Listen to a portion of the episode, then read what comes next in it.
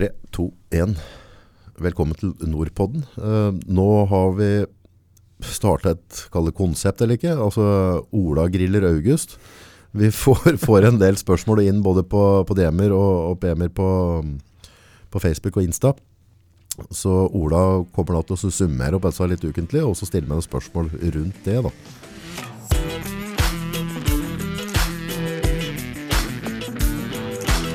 Så da skyter vi, Ola. Hva er ditt første spørsmål? Hvis alle skulle stått opp klokka fem, uavhengig av uh, forutsetning, er det, hvorfor skulle de gjøre det?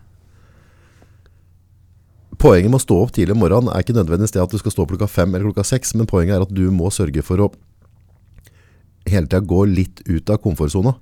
For det som skjer er at hvis du ligger litt lenger om morgenen for at du syns det er behagelig, så drar du allerede følelser inn i bildet. Eh, og senest nå, sånn som nå i dag tidlig, så var jeg en forbanna slask. Jeg lå for lenge. Jeg sto på utgangspunktet uh, rett over fem. Så gikk jeg la meg litt etterpå. Og så følte jeg på en måte allerede da så hadde dagen min sprekt litt. Så da er det liksom ikke så nøye. Når jeg allerede på en måte har feila litt på morgenen, så kan liksom, da kan det liksom ligge til sju. Men da fikk jeg ganske reminder fra ei jente på elleve år.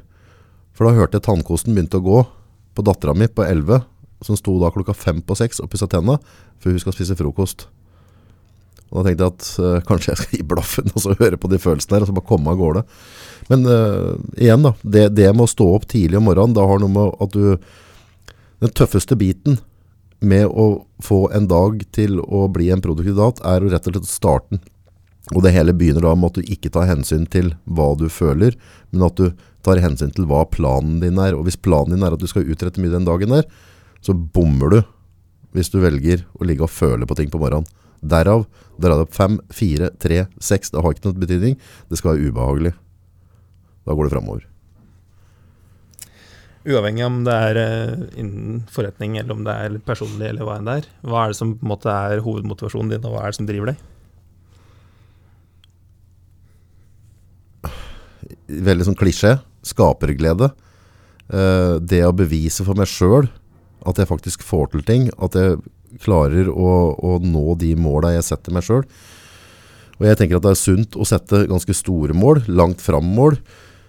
Men jeg er rimelig, rimelig klar på det at én ting er hvis jeg skuffer akkurat deg, at jeg på en måte at uh, du har satt målsetninger at jeg skal gjøre et eller annet for å imponere deg.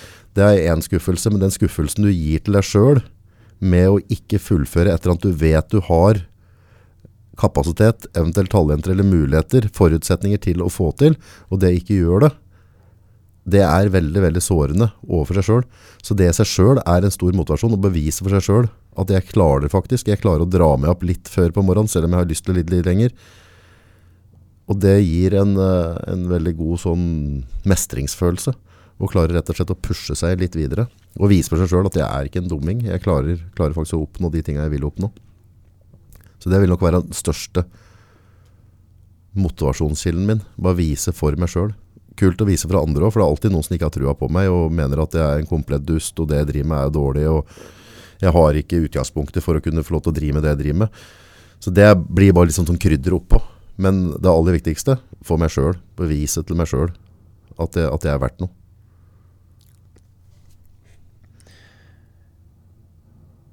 Når du, sånn som På Instagram så ser vi på en måte at du er oppe klokka fem, og det er jo lys i, i kontoret til sent på natt. Hvor, eh, sånn I løpet av en uke, hvor mye jobb er det som faktisk eh, blir lagt ned? Det er helt umulig å regne på. Uh, nummer én så tror jeg i, i, all hovedsak så ser jeg ikke på som en jobb. Det som kanskje er lettere for meg enn mange andre som har andre typer yrker, er at jeg må på en måte sitte og produsere et eller annet. Eksempel altså hvis jeg skal sitte og klippe. da og Hvis jeg da skal sitte og klippe 12-14 timer hver dag, så vil ikke det gå. Ved et eller annet tidspunkt så vil det få en gangsperre. Jeg har veldig variasjon av dagen. Jeg har kollegaer jeg omgås med, jeg har kunder jeg omgås med. Og Så dagene mine Jeg sitter ikke foran maskina i 14 timer eller 16 timer hver dag. Men i hovedsak så går stort sett de fleste timene av døgnet som jeg er våken, til nettopp CG og det, det målet vi har med å komme framover. Jeg har alltid med meg, det er alltid noen tanker, det er alltid et eller annet en kunde jeg skulle ha ringt, eller noe jeg må tenke rundt. Så det er mer utfordring det å klare å koble av én time eller to timer, så jeg ikke tenker jobb. Uh, I går så tok jeg med jentene mine ut, og så var vi på lekeparken i Hamar i går kveld.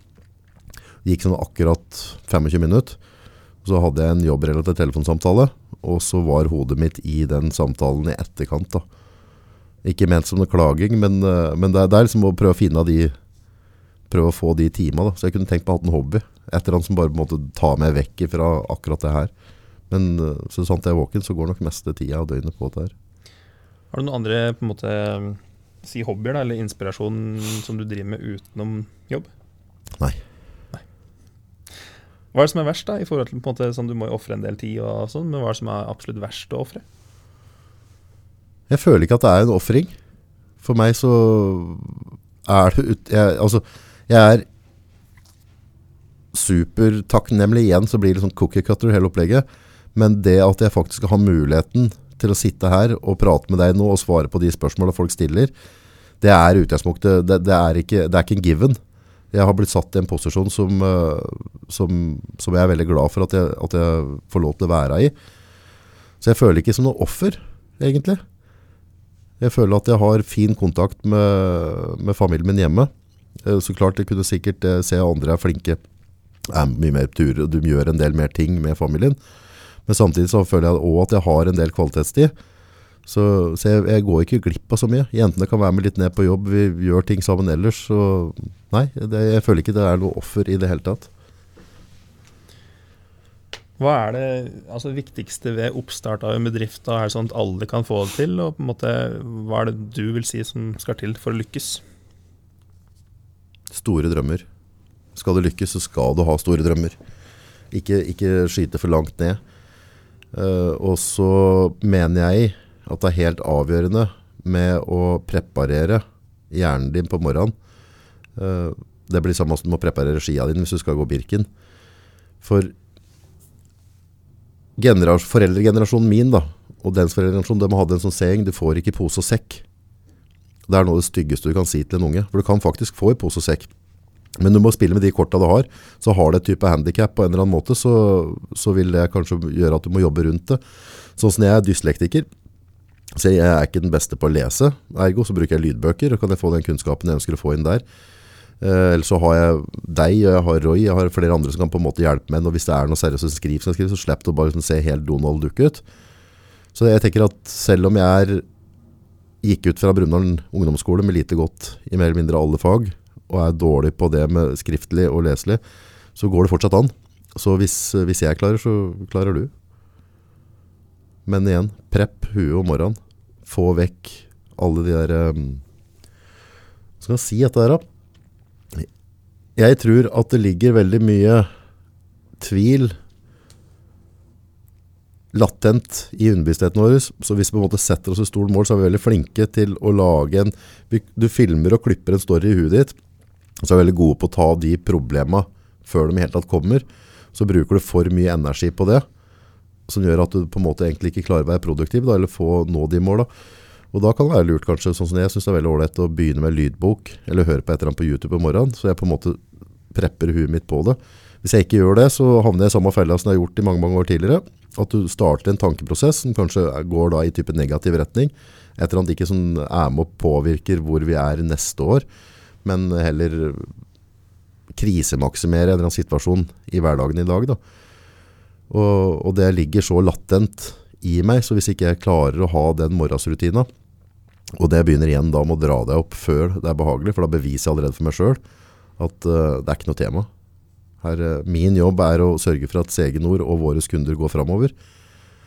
Og da har verken kundene mine eller CG Nord rom for mine følelser eller negative tanker. Må bare ryddes vekk. Hva er greia med kaffe? Kaffe Jeg ble tvunget til å begynne å drikke kaffe som 16-åring. Eh, når jeg var ferdig på, på ungdomsskolen, så flyttet jeg opp til eh, Øst-Finnmark og begynte å jobbe på en fiskeskøyte, en 47 fots båt fra 1947. Hos en sjøsame. Magisk type. Beintøff type. Så det, det, Der var det veldig lite kjære mor om bord i den båten. der. Det var bare å tygge sammen ting og jobbe. Og om du hadde betennelser i fingra altså, Det var ikke noe som i tre dager der. Er vi på havet, altså når fisken kommer, så skal det opp ferdig. Og da er det et par ting som han hadde. Nummer én, du har aldri med deg ryggsekk om bord i en båt. Det skjer ikke. Det skal du ha i en bag eller pose. Ryggsekk, det er dårlige greier. Og så slapp han ikke folk om bord som ikke drakk kaffe. Det er eh, helt avgjørende. Så jeg hadde egentlig ikke noe valg. Altså Enten så fikk jeg ikke være med på havet, eller så jeg bare begynne å drikke kaffe. Syns du det var godt, da? Overhodet ikke. Kaffe er en sånn magisk ting. Sånn der, hvis du liksom aldri drikker kaffe, det smaker Det er liksom Å, så forfriskende, nydelig. liksom Dette var ferskpressa jus. Det er jo ikke det. Det er bittert. Det er jævlig. Men det er noe med den varmen der, og så, og så er det For meg så er kaffe smaken av suksess. Det er eh, Jeg har hatt så utrolig mange netter, tøffe morgener i 20 minus, i storm, i kuling. Har sittet med kaffekoppen. Det har alltid vært starten på at jeg dytta meg ut i et eller annet som jeg kanskje strengt talt følelsen min sa at jeg ikke hadde lyst til å gjøre. Så det blir en sånn Jeg har noen relasjoner til den kaffen der. Det er en, en, en rå start og god start på dagen. Hva vil du si er det som har påvirka deg mest opp igjennom, som på en måte har gjort at du er den du er i dag?